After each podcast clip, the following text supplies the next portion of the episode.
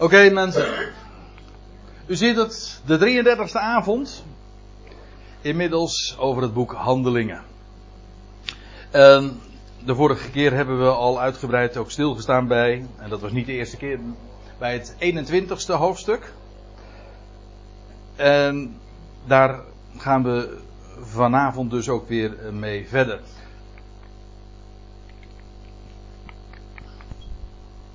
Hij reageert niet zoals hij zou moeten reageren.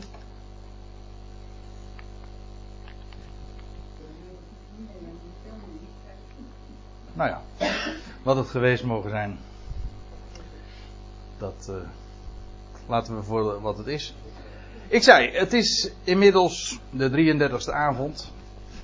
En we gaan dus verder met, het, uh, met de bespreking. En het is, zoals gebruikelijk, ook nu weer goed om even in herinnering te roepen wat we de vorige keer hebben besproken. Ik beperk me eventjes tot de vorige keer.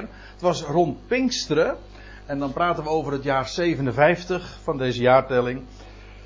Daar moet u niet uh, al te dogmatisch over doen, maar dat moet ongeveer toch het jaar geweest zijn dat dit heeft plaatsgevonden. Dat Paulus arriveerde in Jeruzalem. Het was het uh, feest van Pinksteren, of zoals dat in het Jodendom heet, het, het wekenfeest. En Paulus was daar trouwens gearriveerd met een hele delegatie, want hij was. Uh, hij had een, een uh, grote collecte georganiseerd daarin uh, in het buitenland. En nu was hij daar gekomen in Jeruzalem en hij wist ook, dat was hem van stad tot stad betuigd en we hebben dat ook uitgebreid bezien, dat hem boeien en verdrukking te wachten stonden als hij daar daadwerkelijk in Jeruzalem zou komen. Als hij daar dan arriveert, dan heeft hij een ontmoeting met de man, de voorman daar in Jeruzalem. En ik, als ik zeg de voorman, dan moet u over een enorme grote gemeenschap dus denken.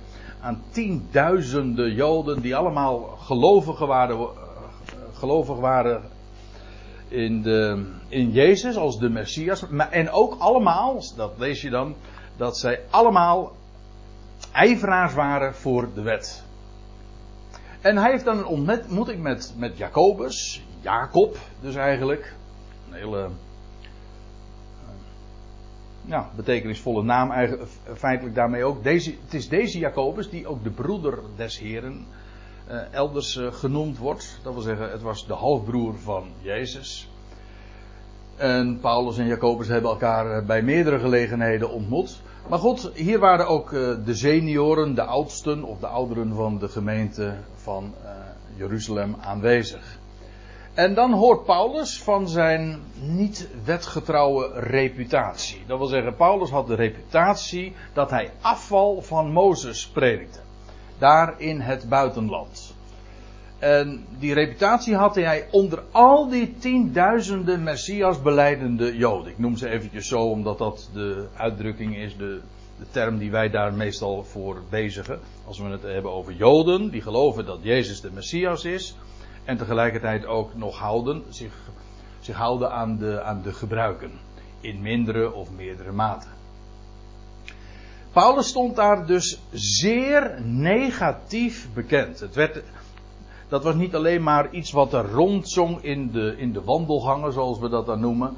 Maar het werd ook, zo hebben we gezien, het werd daar ook onderwezen. Daar in al die scholen of in bijeenkomsten werd er verteld, die Paulus, die, die man die deugt om die reden dus niet. Daarom is het zo dat Jacobus uh, uh, Paulus aanraadt zich te voegen bij een viertal, uh, bij een viertal mannen dat die onder een, een Nazireërsgelofte stonden. Dat zo wordt dat niet direct hier genoemd, maar uit de wijze waarop het dan beschreven wordt, dan uh, kun je dat er direct uit opmaken. Ze stonden onder een gelofte en aan het einde van die gelofte dan zou hun haar geknipt worden en dan moesten de offers gebracht worden. Wel, Paulus voegt zich bij dat gezelschap, dat wordt hier ook aangeraden. En door dat te doen, zou hij daarmee ook demonstreren dat Paulus wel degelijk ook zelf als Jood meeging in de gebruiken. En dat het niet waar was dat hij dat uh, in het buitenland de Joden zou afraden of zou zeggen van dat ze dat niet zouden moeten doen. We hebben daar, uh, we hebben daar toch ook wel vrij uitgebreid bij stilgestaan hoe dat is. We hebben met opzet vooral zijn brieven daarbij eventjes buiten beschouwing gelaten. Want ja, dat is natuurlijk een thema dat zo dikwijls, met name de gelaten brief staat erom bekend, maar ook in de Colossense brief, in de Efezebrief vinden we het terug, in de Romeinenbrief. Ach, ik zou wel zeggen, in welke brief niet, dat je zulke uh, thema's die hier worden aangesneden, die hier eigenlijk het grote item waren, wel, hij brengt dat zo dikwijls in zijn brieven naar voren. Maar we bekijken het vooral vanuit historisch oogpunt. Dat wil zeggen, zoals Lucas dat als historicus, als geschiedkundig verslag heeft opgetekend. En ja, we hebben dus uh, daarmee gezien dat Paulus zelf meeging in, in de gebruiken van, van de wet. Dat heeft hij zijn hele leven ook gedaan. Uh, hij predikte echter de vrijheid. Ook voor de Jood. De heidenen sowieso, de natieën waren daaraan niet onderworpen. Dat was trouwens ook geen issue in, in Jeruzalem. De natieën waren vrij van de onderhouding van de wet. Aanvankelijk was dat ook nog een punt, maar dat was al lang besloten en beslist. Jaren eerder in uh, Handelingen 15 lezen we dat. Dat was een uh, heel veelzeggend uh, gebaar dat Paulus daarbij uh, ook deed. Want Paulus stemt in met die raad. En feitelijk is het ook zo dat hij hen daarmee vrijkoopt van de gelofte. We hebben ook typologisch uh, daar met een typologische bril naar gekeken. Omdat het feitelijk ook weer zijn boodschap representeert. Namelijk dat Israël, die onder de gelofte stond, het oude verbond al wat de Heer geboden heeft, dat zullen wij doen. Feitelijk, dat is het oude verbod. Wel, ze zijn daarvan bevrijd. Ze zijn daarvan vrijgekocht. Wel, en dat is wat Paulus ook in die daad dan ook uitbeeldt. Uh, in de tempel, als hij dan daarmee doende is, wordt hij opgemerkt door Joden uit Azië. Die hij maar al te goed kende van zijn. Uh, nou, en die hem vooral ook al te goed kende. Uh, vanwege zijn verblijf daar. Jarenlang in Azië en Efeze noem maar op. In ieder geval, je leest dan heel uitdrukkelijk. Het waren Joden uit Azië die hem opmerken en hem al schreeuwend aanwijzen. Dit is de mens die allen overal onderwijst tegen het volk. De wet in deze plaats, dat wil zeggen de tempel. Dan zie je dus precies ook uh, wat de aanklacht was. Hij is anti-Joods feitelijk. Natuurlijk was Paulus Jood, dat wisten zij ook wel. Maar wat hij deed en predikte in hun beleving, in hun optiek, was dat hij dat het eigenlijk gewoon de ondergang van het volk betekende. En de wet, tegen de wet en ook tegen de tempel. Dit is de mens. Dus op zich ook wel uh, eigenaardig dat, die, dat dat dan ook zo geformuleerd wordt. Van, we hebben het toch altijd, eh, of hier wordt in Jeruzalem wordt toch gesproken over, over die ene mens die daar in het buitenland zulke kwalijke dingen zegt. Nou, dit is die mens. Hier heb je hem. En nu zeggen ze dan ook nog eens dat hij bovendien daarvan beschuldigd is. Dat is de directe aanleiding. Zij wordt ervan beschuldigd Grieken in de tempel te hebben gebracht. Wat een, nou ja, als ik het heel eufemistisch zeg, een misverstand is. Het was namelijk geen misverstand. Het was gewoon onwaar. Alleen het. Uh, ja, het was, uh, ja, in zekere zin was het dus wel een, een misverstand. Ze hadden hem namelijk eerder opgemerkt in Jeruzalem met een Trofimus. En daarvan lees je, dat was inderdaad een Griek. En nu denken ze, nou zagen ze Paulus weer en nu dachten ze van, oh nou heeft hij die Trofimus, waarmee we hem de hele tijd zagen optrekken, eh, heeft hij dus ook nog in de tempel eh, gebracht. En dat was, dat moet je weten, eh, dat was een doodzonde.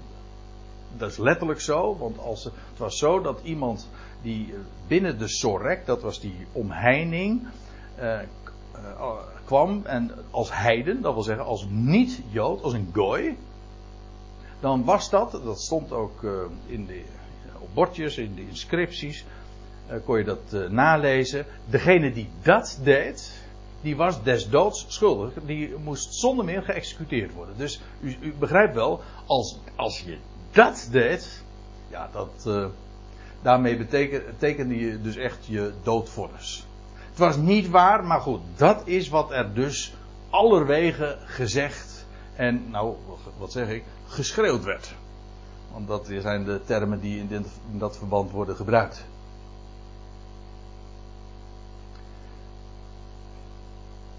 Letterlijk was dat natuurlijk niet waar. In de geest. En dat is ja, we hebben dat eigenlijk al verschillende keren, zeg maar, die beide sporen gezien.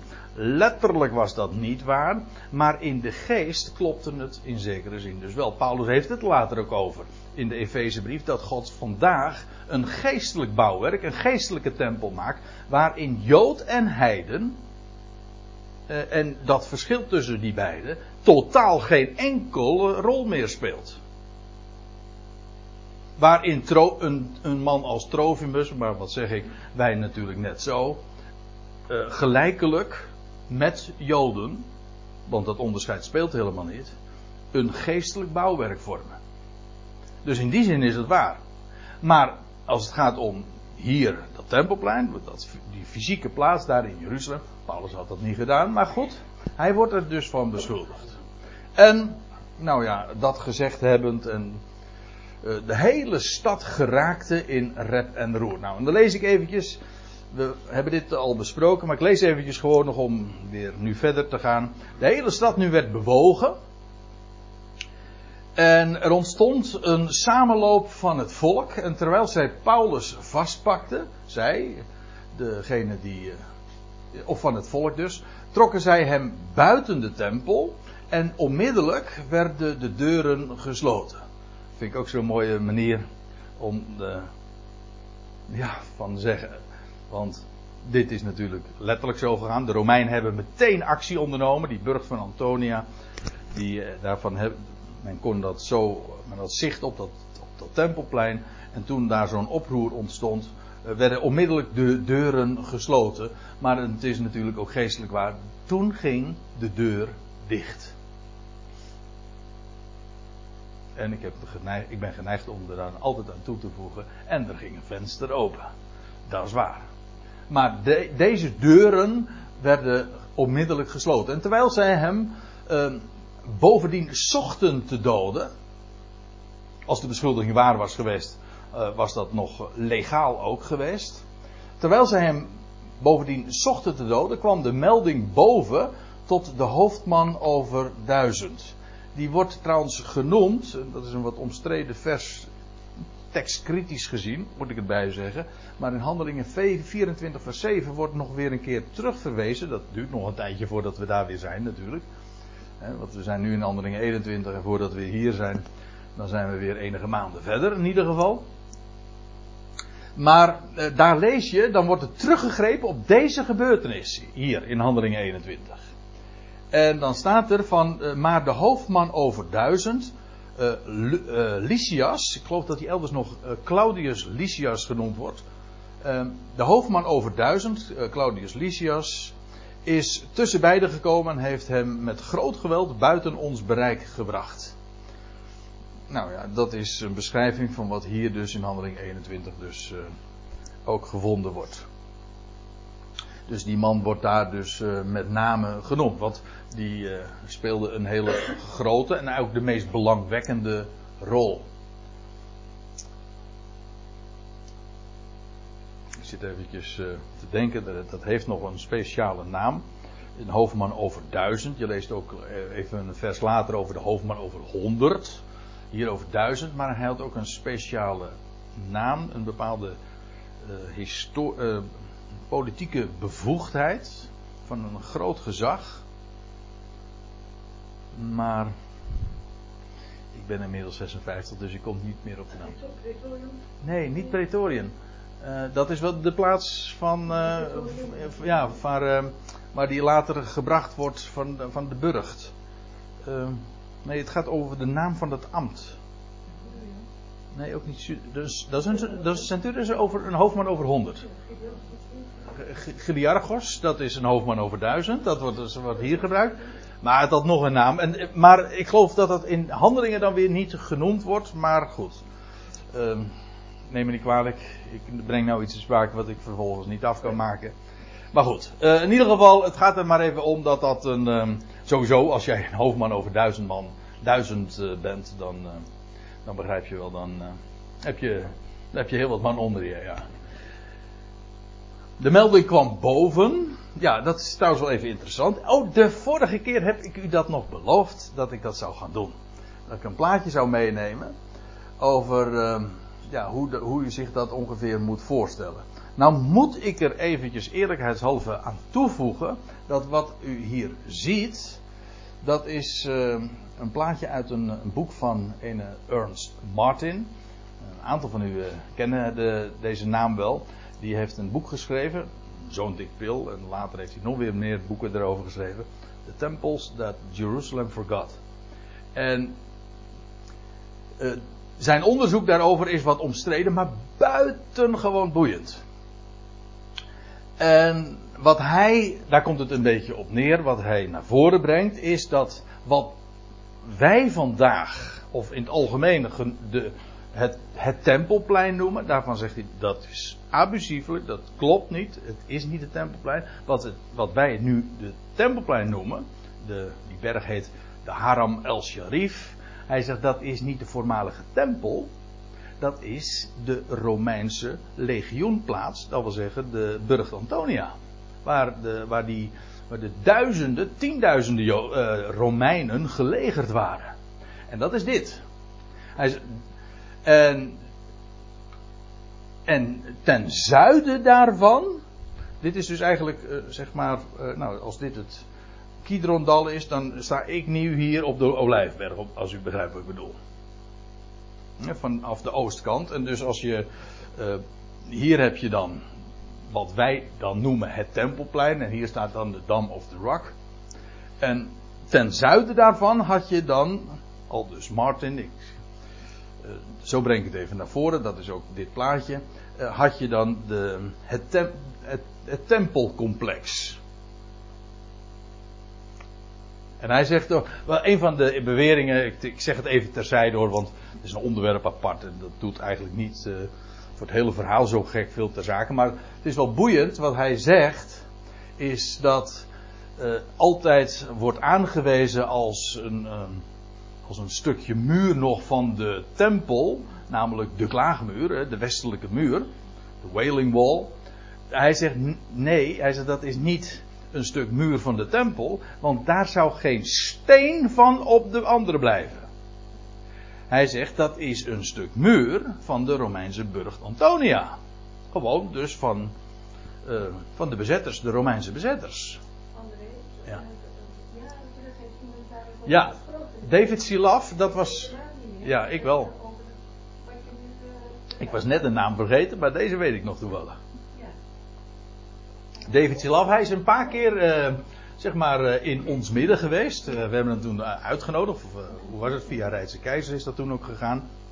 En die David Silaf, dat is de, ja, die heeft toen het stokje overgenomen van, na het overlijden van, van Dr. Martin. En die heeft daar toen ook uitgebreid over gesproken.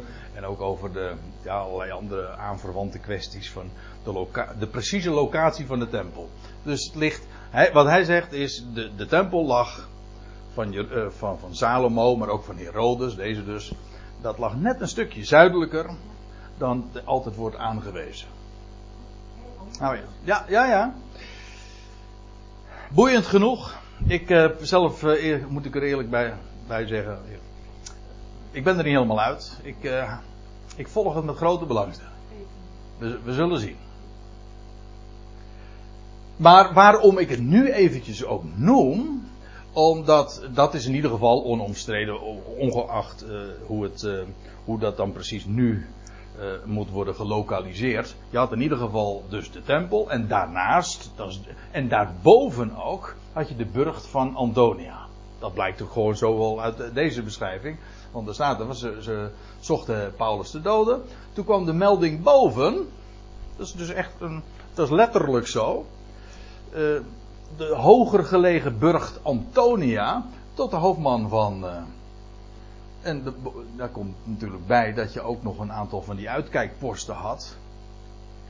Wat ook vrij logisch is, uh, waarbij men overzicht had over, de, over de, stad, de hele stad, maar vooral ook de tempel. Centrum toch van, uh, van de stad Jeruzalem.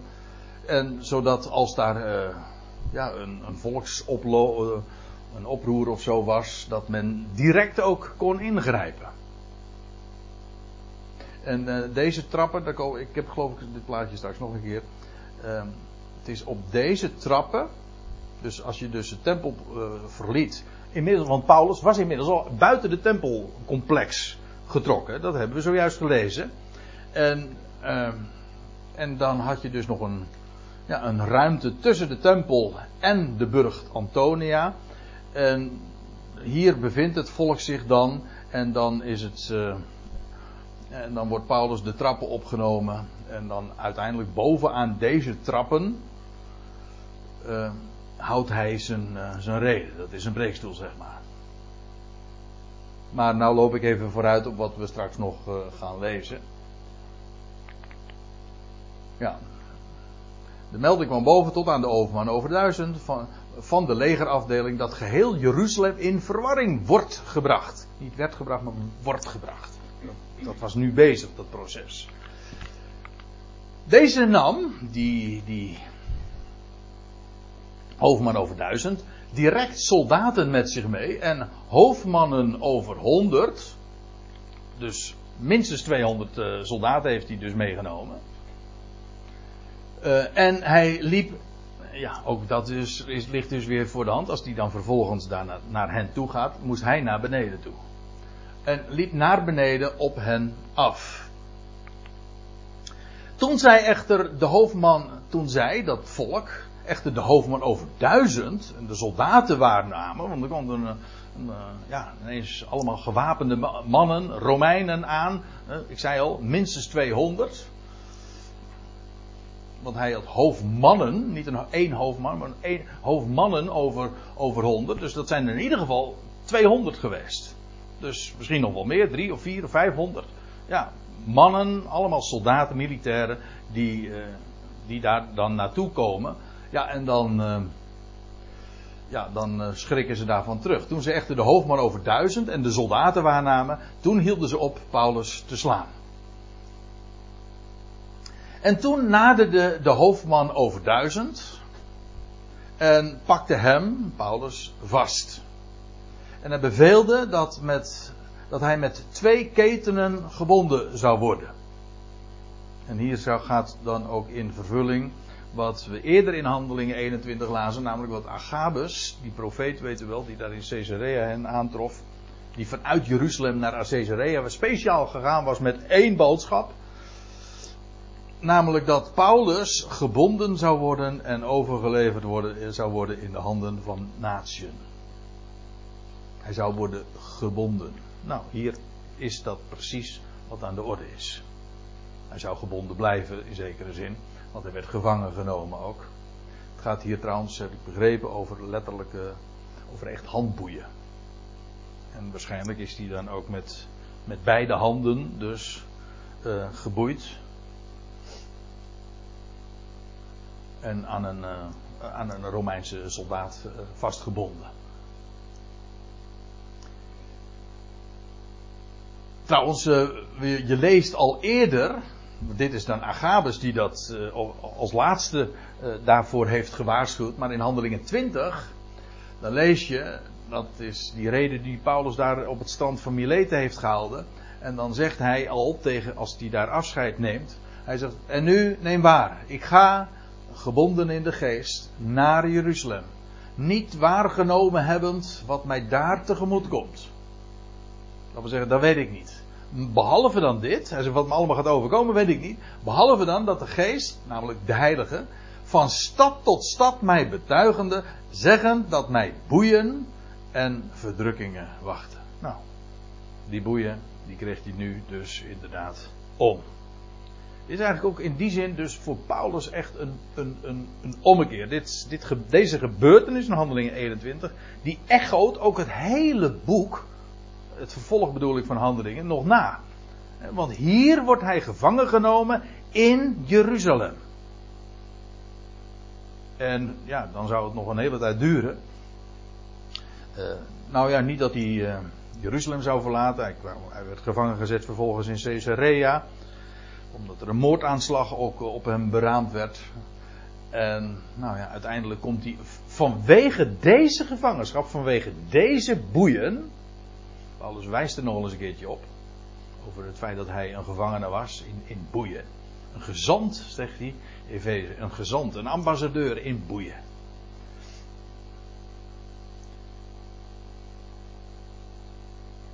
Maar uh, die gevangenschap is, die is hier begonnen. Hier in Jeruzalem, bij deze gelegenheid waar we het nu over hebben. Dit is dus echt een, een, een mijlpaal, ook weer in de hele historie van, van Paulus. Afijn, die, die hoofdman over duizend, die, die pakt Paulus vast en hij beveelt dat hij met twee ketenen gebonden zou worden. En hij, dat is die hoofdman dus, informeerde om vast te stellen wie hij mocht zijn en wat hij gedaan had. En dat vind ik dan toch wel weer heel contrastrijk als je dat zo even vergelijkt, want dit is, dit is namelijk de correcte weg. Het staat in contrast met wat zojuist de Joden in de tempel hadden gedaan. Een valse beschuldiging. Als ze hadden geïnformeerd, hadden ze geweten dat het niet waar was. Dit was, eh, dit was gewoon voor hen een aanleiding uh, om hem, om, om eindelijk hun, hun slag te slaan. Maar het was niet correct. En, het is en dat waren de religieuze Joden die daar massaal uh, in de tempel waren, ook juist vanwege deze feestelijke gelegenheid. En het is een Romeinse man, een heiden die God niet kent, mogen we, mogen we aannemen. Niets wijst in die richting. Maar in ieder geval een Romein. Die bewandelt de correcte weg door in ieder geval gewoon uh, te informeren. En, uh, zodat, hij kon, zodat hij wist met wie hij te maken had. En wat Paulus dan misdaan zou hebben. En dat is de, natuurlijk de, de enige juiste route. De natieën. En aan, aan, de andere kant, de, in contrast met de godsdienstige Joden.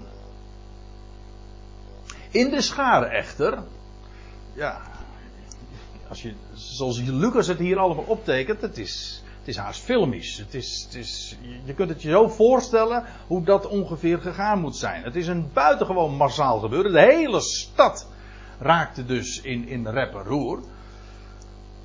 En dan, ja, dan kun je je voorstellen, eh, een enorme menigte, er wordt geschreeuwd en geroepen.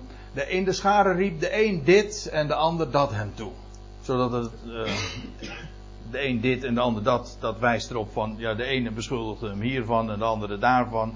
Uh, en dat, zo krijg je dat. Dan op een gegeven moment weet je helemaal niet eens meer. Uh, nee, heel veel mensen zullen ongetwijfeld niet eens echt geweten hebben waar het eigenlijk om ging. Maar... En bovendien, ja, als de een dit roept en de ander dat roept, dan weet je. Dan uh, werden ze ook nog eens een keertje onverstaanbaar daardoor. Nou, en dan staat er, en toen hij, die hoofdman dus, vanwege het rumoer niet met zekerheid te weten kon komen, uh, beval hij hem tot in de legerplaats, dat is hier dus de kazerne, de, de burcht Antonia, te leiden. Om hem even te isoleren en om even uit het rumoer en al dat geschreeuw uh, even in rust de, de waarheid aan de, uh, aan het licht te kunnen brengen.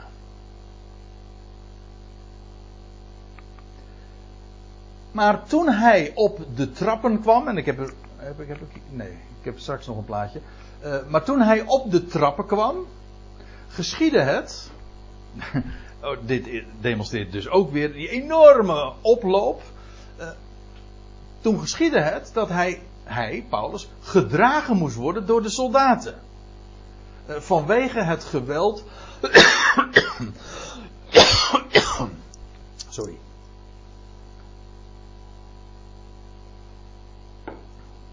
Vanwege het geweld van de scharen. Dus het is niet alleen maar geschreeuw geweest, maar goed, dat was sowieso al duidelijk. Maar nu nog steeds, ondanks het feit dat, dat er ingegrepen was van, uh, van Romeinse zijde en dat er zoveel soldaten waren, er was nog steeds sprake van geweld van de scharen. En Paulus moest dus beschermd worden door de.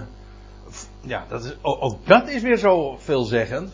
Paulus wordt hier door Romeinen beschermd tegen zijn eigen Joodse volksgenoten. Hoe veelzeggend. Het zijn waardoor Paulus een gevangene is. Hij zegt dat later in de Efezebrief, maar eh, bij allerlei andere gelegenheden op een andere manier misschien ook weer. Van uh, ik ben een gevangene. In Efeze 3 vers 1 zegt hij dat ook. Ik ben een gevangene voor jullie, natieën. En dat is hij hij is door het volk van Israël in het hoofd, hun hoofdkwartier in Jeruzalem. Daar is hij gevangen genomen. En, en het is juist daar ook dat de Romeinen hem moesten beschermen. Voor zijn eigen volk. En dat, en dan, en als je dan eventjes uh, weer uh, de film laat terugdraaien van hoe dat ooit begonnen was met, met Saulus. Dat een van, hij was, hij was van hetzelfde laken en pak. Een kampioen dan ook nog wel. Nou ja, dat zullen we straks ook nog wel zien als die, als die straks het woord gaat nemen. Maar dit is wel heel veelzeggend. En dan staat er, want de menigte van het volk volgde al schreeuwende weg met hem. En ook hier hoor ik weer echo. Want waar, werd dat, eh, waar kennen wij dat van? Eh, dat er geschreeuwd werd weg met hem. Je leest het in Lucas en Johannes. dat dat ooit al, ook trouwens op dezelfde locatie, daar ook bij de tempel in Jeruzalem geschreeuwd werd. Weg met hem. Wij willen niet dat deze verder leeft. Zo meester, zo volgeling. En trouwens, eh, als we nog even later, eh, even even later uh, kijken, dus dezelfde dag als Paulus dan, nadat hij van wal is gestoken, dan, dan lees je dat hij op een gegeven ogenblik geïnterrumpeerd wordt. En dan roepen ze opnieuw weer weg met hem. In hoofdstuk 22, vers 22 lees je dat. Weg van de aarde met zo iemand, want hij behoort niet te blijven leven. Dus uh, de menigte van het volk uh, had al lang besloten wat er met hem moest gebeuren. Toen hij bovendien op het punt stond uh, de legerplaats binnengeleid te worden, dus die, die, die kazerne, toen ging, nam Paulus het woord en dan lees je, zei Paulus tot de hoofdman over duizend, is het mij geoorloofd iets tot u te zeggen. Hele beleefde, fatsoenlijke, vriendelijke vraag. En dan, nadat hij dat dan gevraagd heeft, krijgt hij eh, de, de reactie, de verbaasde reactie. Hij echter, die hoofdman dus, die zei met nadruk: Ken jij Grieks? wordt een beetje ingewikkeld natuurlijk, want het was in, in een, een Joodse, Hebreeuwse entourage, dat zullen we straks ook zien. De algemene eh, taal in die dagen was Grieks. Vergelijkend een beetje met ons Engels, lijkt me, stel ik me zo voor. En hij spreekt hier tot een Romein. En een Romein, zoals u begrijpt, die, uh, die spreken Latijns dan weer. Maar, en of Paulus dat ook gesproken heeft, dat is, uh, dat is een goeie. Ik heb daar. Zijn er aanknopingspunten? Heb je, uh, Menno?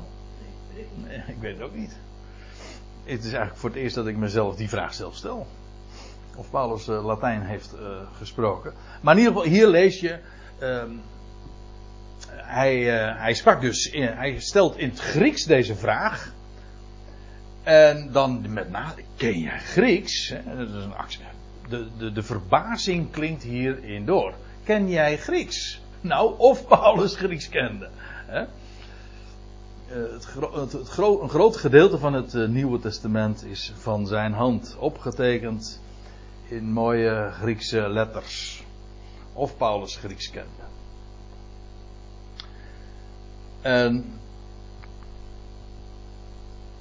Want uh, die, die hoofdman had namelijk een heel ander idee over zijn identiteit. Hè. Die had nog tot dusver eigenlijk was hem nog helemaal niets duidelijk geworden vanwege dat enorme rumoer en dat geschreeuw.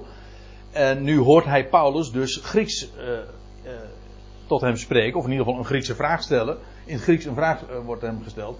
En ineens denkt, realiseert hij zich dat hij dus niet te maken heeft met een ander van wie hij dacht dat Paulus zou zijn. Dus jij bent niet de Egyptenaar die voor deze dagen oproer maakte. Kennelijk was dat zeer recentelijk nog gebeurd. Vandaar dus dat, dat deze hoofdman uh, hem daarmee met die uh, vent ver, verwarde.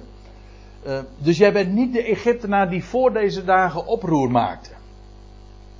Dat we, we weten daar vanuit de schrift trouwens weinig over, over die gebeurtenis. Maar er zijn wel wat buitenbijbelse bronnen en dan, en dan uh, wordt er vermeld over deze Egyptenaar die, die die oproer dan veroorzaakt heeft. Zo ergens halverwege de jaren 50 van onze jaartelling. Dat hij, deze man de, claimde een profeet te zijn. Heel eigenaardig, want uh, dan lees je dat hij in de woestijn een leger uh, ja, van 4000 man om zich heen verzameld heeft. En die man die beloofde iets. Hij beloofde namelijk dat de stad Jeruzalem zou vallen. Zoals ooit in de dagen van Jozua. Ja, zoals in de dagen van Jozua dat de muren van Jericho vielen. En toen is hij met het leger van 4000 man is hij naar de Olijfberg gegaan. En ja, in afwachting daarvan kennelijk, hoe dat verder allemaal is afgelopen, maar in ieder geval, ja, het waren vrijheidsstrijd. Het, waren gewoon het was een guerrilla-beweging feitelijk. En dit heeft heel veel weg van valse profetie. Van iemand die wel de klok heeft horen luiden. Namelijk dat, eh, dat de Messias ooit daar in de woestijn een, een, volk om zich heen zou verzamelen. En dat hij dan ver, vervolgens zou keren naar, naar de Olijfberg. En dat dan bij die gelegenheid ook de stad Jeruzalem zou vallen. Dat klopt. Alleen die man die dacht dat hij het was. En, en bovendien Foute persoon, foute tijd. De, de, locatie was goed, dat, dat klopt. Maar dat is het enige. Maar het is vals. In ieder geval, hoe dat ook verder ook mogen, ge, geweest mogen zijn. Uh, deze Ro Romein, Romeinse hoofdman, die verwart Paulus met die Egyptenaar. Er staat er nog bij, uh, hij zegt, jij bent dus niet die Egyptenaar die voor deze dagen oproer maakte en de 4000 mannen van de Sicariërs uitleidde tot in de woestijn. Bandieten, wordt zegt de MBG-vertaling. Sicariërs, dat is eigenlijk dat is het uh, Griekse woord wat hier dan gebezigd wordt, maar dat komt dan weer uit het Latijns. En uit, uit het Latijn. En van het woordje sica, en dat is, betekent dolk. En ja, en wat vandaar ook natuurlijk dat de MBG-vertaling van, van bandieten spreekt. Ik weet niet wat de Statenvertaling zegt. Ook bandieten? Moordenaars. Nou ja, dat ligt dan ook wel voor de hand. Want als je een dolk in je hand hebt, dan uh, doe je dat toch ook niet om brood te snijden, neem ik aan. Hè? maar in ieder geval, uh, eh, 4000 mannen van Sicariërs. Dat, het idee was namelijk. Uh, zij waren van de, van een Joodse partij, die je trouwens in het Nieuwe Testament vaker tegenkomt, van de Celoten ijveraars, betekent dat letterlijk. Maar dat waren, dat was in feite een gewelddadige beweging die, het, die zich verzette, gewelddadig verzette tegen de Romeinse bezetters. En die ook, die waren niet alleen maar tegen het betalen van belasting aan de, aan de Romeinse keizer, maar die vonden ook echt dat ze de verantwoordelijkheid hadden om zich van het Romeinse juk van zich af te werpen. En nou ja, het waren dus. Uh, wat wij zouden noemen vrijheidsstrijders. nou, je had verschillende van zulke bewegingen. Hier, worden, hier wordt er dus eens uh, specifieke genoemd. En die Romeinse hoofdman die denkt met Paulus te maken te hebben met die Egyptenaar. en dat is een groot misverstand. Paulus was helemaal geen, geen vrijheidsstrijder. Hij was wel een prediker van de vrijheid, dat wel. Maar dat had niets met geweld te maken. Totaal niet. Paulus was niet de aanvoerder van een jihad. Hoewel hij spreekt van een strijd, dat wel. Maar dat is een geestelijke strijd. Onze, de wapenen van onze veldtocht zijn niet vleeselijk, maar krachtig voor God. Hè? Tot het slechte van bolwerken. Ik weet het nog goed, want juist een paar weken geleden heb ik in uh, daar nog over mogen spreken. Afijn. Paulus wordt met die Egyptenaar verward. Maar uh, die Romein die realiseert zich van, ah, je bent het dus toch niet, joh. Maar Paulus zei inderdaad, ik ben een Joods mens. Ik ben niet, dat wil zeggen, ik ben niet uh, die Egyptenaar waar jij het over hebt. Ik ben een Joods mens. Zo zegt hij dat, hè? Ik ben een mens, inderdaad, ik ben Joods. Een, een tasser. Ja, dan moet je even nadenken. Maar een tasser, dat is gewoon een inwoner dus van Tarsus. Die stad Tarsus is al verschillende keren in het boek Handelingen genoemd. Eh, in Handelingen 9 vers 11 lees je al als het gaat over de Paulus van Tarsus, hè, of Saulus van Tarsus. Zo wordt hij uh, dikwijls uh, genoemd. En ja, het was het Tarsus van Cilicië. Cilicië, ja. Tarsus lag hier. Tegen de Zuid-Turkse kust, zouden wij dan nu zeggen. En uh, dit was de provincie, hoe groot het precies was, maar dat weet ik ook niet. Maar in ieder geval in deze streek had je dus de streek van Cilicië. Niet te verwarren met Sicilië. Dat is, dat is iets heel anders, want dat is Zuid-Italië. En trouwens, dit Tarsus moet ook niet verward worden met. Ja, gewoon, nou, waar moet ik dan zijn? Met Tarsis, dat ligt in Spanje. Je, je leest van van Jona dat hij uh, met een schip op weg ging naar Tarsis. Dus, uh, typologisch denk ik dat het alles met Tarsus te maken heeft, maar dat is een ander verhaal. Maar in ieder geval, dat, dat was een andere stad. Dat was aan de, nou moet ik goed zeggen, aan de oostkust van, van, uh, van, de, van Spanje. Vlakbij het huidige Barcelona. Maar dat was Tarsis dus. Goed. Cilicië. Hij zegt, inderdaad, ik ben een Jood, een tasser van het Cilicië, het Cilicië, burger van een niet onbetekenende stad. En u moet zich realiseren dat Paulus dat ook met reden, met trots kon vermelden. Want er waren, zo heb ik begrepen, er waren drie universiteitssteden waar een, hoger, waar uh, hoger opgeleiden werden uh, getraind.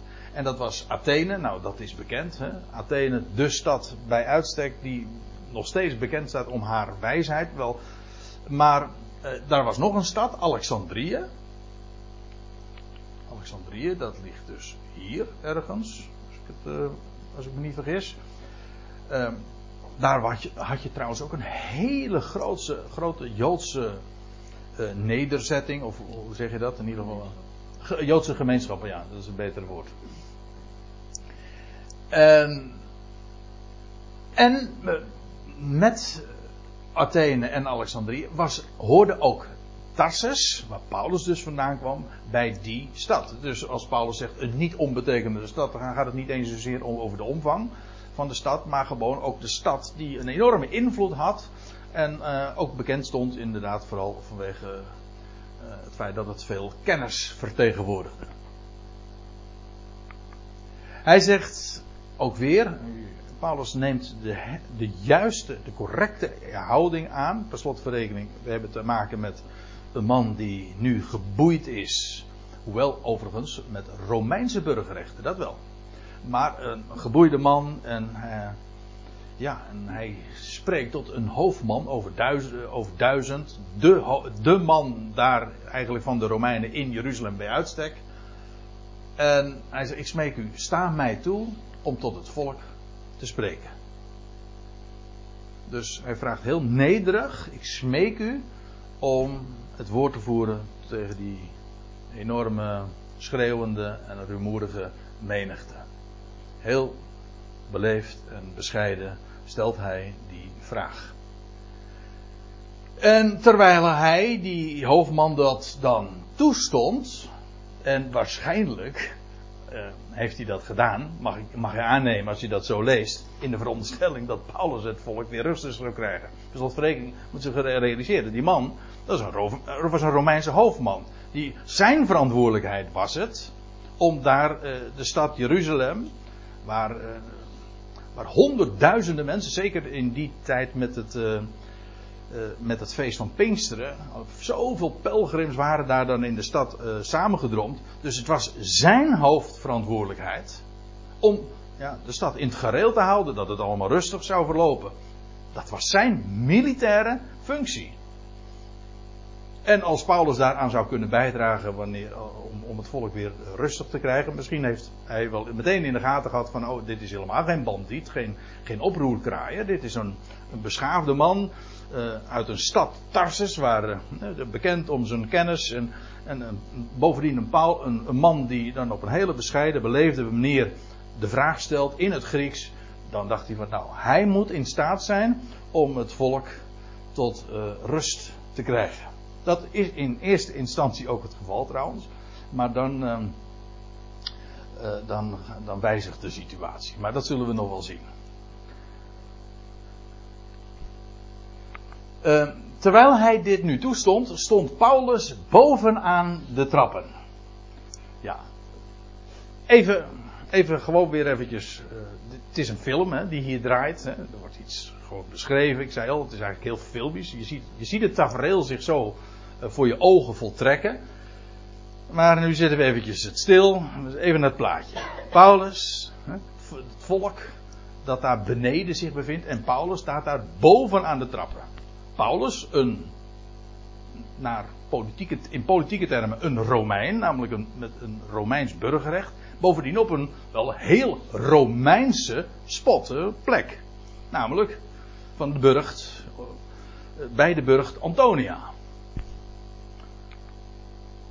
Er spreekt, en ik bedoel dit heel typologisch ook, hè? hij spreekt van bovenaf het Joods volk toe. Dus vanaf een Romeinse positie, vanuit een Romeinse positie, ik bedoel dat letterlijk, spreekt hij het volk, Joodse volk, daar beneden toe. Ik bedoel dat letterlijk, dat is letterlijk, dat is precies wat hier beschreven wordt, maar het is natuurlijk ook een geestelijke waarheid. Dit is typerend. En uh, ik kan het niet bewijzen, maar uh, als Lucas dit zo heeft opgetekend, uh, moet hij toch dezelfde associaties gehad hebben. En, en, en, uh, en wat, zal, wat zal er allemaal door Paulus hoofd gegaan zijn. Maar dit is toch zo een hele bijzondere uh, vaststelling. Vanuit de, vanuit de Romeinse positie, van, laat ik het nog anders zeggen, vanuit de natieën, Romeinen, de, de Romeinse spot, wordt het volk, hier specifiek Jeruzalem, toegesproken. Zie daar feitelijk de positie van Paulus als afgezant van Christus Jezus. Ja, maar hij was een apostel van de natie. Dat wil zeggen, die, die uitdrukking, misschien mag ik er even wat over zeggen. Want die uitdrukking, de apostel van de natie, wordt meestal opgevat, en als mij vraagt uh, ten onrechte, als de, de, met de betekenis, oh, het was een Paulus die richt zich tot de natie. Wat trouwens wel waar is, maar dat is niet de betekenis van die uitdrukking. Paulus is een apostel van de natie, dat wil zeggen, hij hoort gewoon als Romein. Trouwens ook de naam Paulus suggereert dat. Saulus is een Joodse naam. Paulus is een, in ieder geval zijn heidense naam, om zo te zeggen. Maar Paulus is, hoort bij de natieën en als, als apostel van de natieën richt hij zich juist tot Israël ook. Ik, ja, dus, ik zit nu even te twijfelen of ik dat uh, nu hard mag maken. Maar nou laat ik dan even één aanwijzing geven. in die richting. Nee, dan ga ik het voorlezen ook. Ik, heb geen diaatje van, want het is even een, een, een intermezzo. Hè? Even een pauzemoment, een Paulusmoment, zeg maar. In Romeinen 11. Uh, daar lees je in vers 13. Hij zegt: Ik spreek tot u, natieën, juist omdat ik. Maar lees even door. Juist omdat ik apostel der heidenen, apostel van de natieën ben, acht ik dit de heerlijkheid van mijn bediening.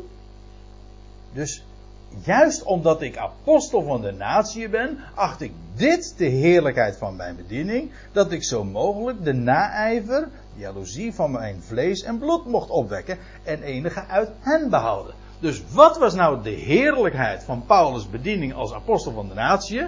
Dat hij juist zijn volk zou bereiken en enigen uit hen zou behouden. Paulus wist al dat hij het volk niet meer zou bereiken. Dat wist hij vanaf van meet af aan. Maar dat is wel. Hij spreekt dus eigenlijk vanuit de heidense wereld tot het volk. Feitelijk wat, wat je hier ziet.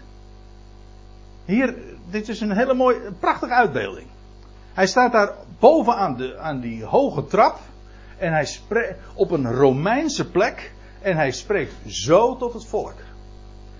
Feitelijk, als je er eventjes misschien nog, een, nog eventjes wat hoger of dieper op ingaat. Dit is feitelijk ook het Nieuwe Testament. Paulus, of God die door lieden van een vreemde tongval vanuit de natie tot dit volk spreekt. Ziet u? Dat is, dat is. Dat is ook de betekenis trouwens van het teken van spreken in talen. God spreekt tot het volk, het was al door Jezaja voorzegd. Hij spreekt tot Israël. Ja, maar vanuit de natieën. Er, er zijn wel meer van die, dat soort plaatjes. Hè? Of bijvoorbeeld, wat dacht u van de Heer Jezus die bij, daar bij de zee van Galilea is? En dan lees je dat de, de schare daar op de, op de, de, oever staat. En dan lees je dat Paulus, of nee, niet Paulus, dan lees je dat de Heer Jezus zegt van, dat hij in het schip, in, in schip gaat. En dan van wal steekt. Ja, van wal steekt. En dan vanuit de zee tot het volk op het land spreekt. Eigenlijk eenzelfde, maar dan op een andere manier, maar hetzelfde plaatje, dezelfde betekenis. Dat wil zeggen, vanuit de zee, beeld van de volkeren, de volkerenzee, spreekt hij tot het volk. Dus hier ook weer aan, aan de hand. En ook op een hogere positie, want nou ben ik even weer terug, bovenaan de trappen. Paulus is ja, in, ook in geestelijk opzicht verheven boven het volk. Trouwens, alles wat hij daar, alles wat hij te melden heeft, dat is ook in, ook de zegeningen waar hij over spreekt, dat is van een hogere orde dan wat Israël ooit zal bezitten. Israël op aarde, en een God die vandaag een volk zegent, hè, een volk dat hij uitroept vanuit de natie, maar gezegend met de alle met elke zegen te midden van de hemelse regionen. Nou ja, dat zijn zomaar wat associaties. Overigens, dat is wel even opmerkelijk, het is de laatste, de laatste officiële toespraak eh, tot ja, het Jodendom, maar hier specifiek tot Jeruzalem. We hebben er heel wat eh, gelezen in het boek Handelingen. Petrus op de Pinksterdag. Later in Handelingen 3 lees je de, bij de genezing van die verlamden. Stefanus die zich richt tot het Sanhedrin. Officiëler tot Jeruzalem. Maar hier voor het laatst. Hier in Handelingen 21. Paulus. Dit is eigenlijk een, een afscheidsreden. Paulus die daar op de trap, bovenaan de trap. Het, zijn, het volk van Jeruzalem toespreekt.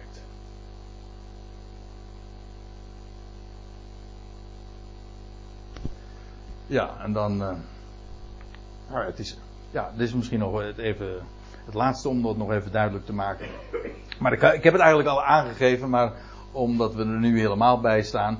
Uh, hij stond boven aan de trappen en over deze treden, over deze lange hoge trap, hebben we het dus. Was op de, hij was hier gedragen. Hij was op handen gedragen door de Romeinen. Hoeveelzeggend. Hè? Op handen gedragen door de Romeinen. En nu stond hij daar hoog en droog. Het volk zou hij gaan toespreken. Dit is waar hij dus stond. Nou ja, ik zie dat het 9 uur is, dus ik stel voor dat we eerst eventjes uh, gaan pauzeren. Dan gaan we straks verder met wat uh, Paulus allemaal te melden.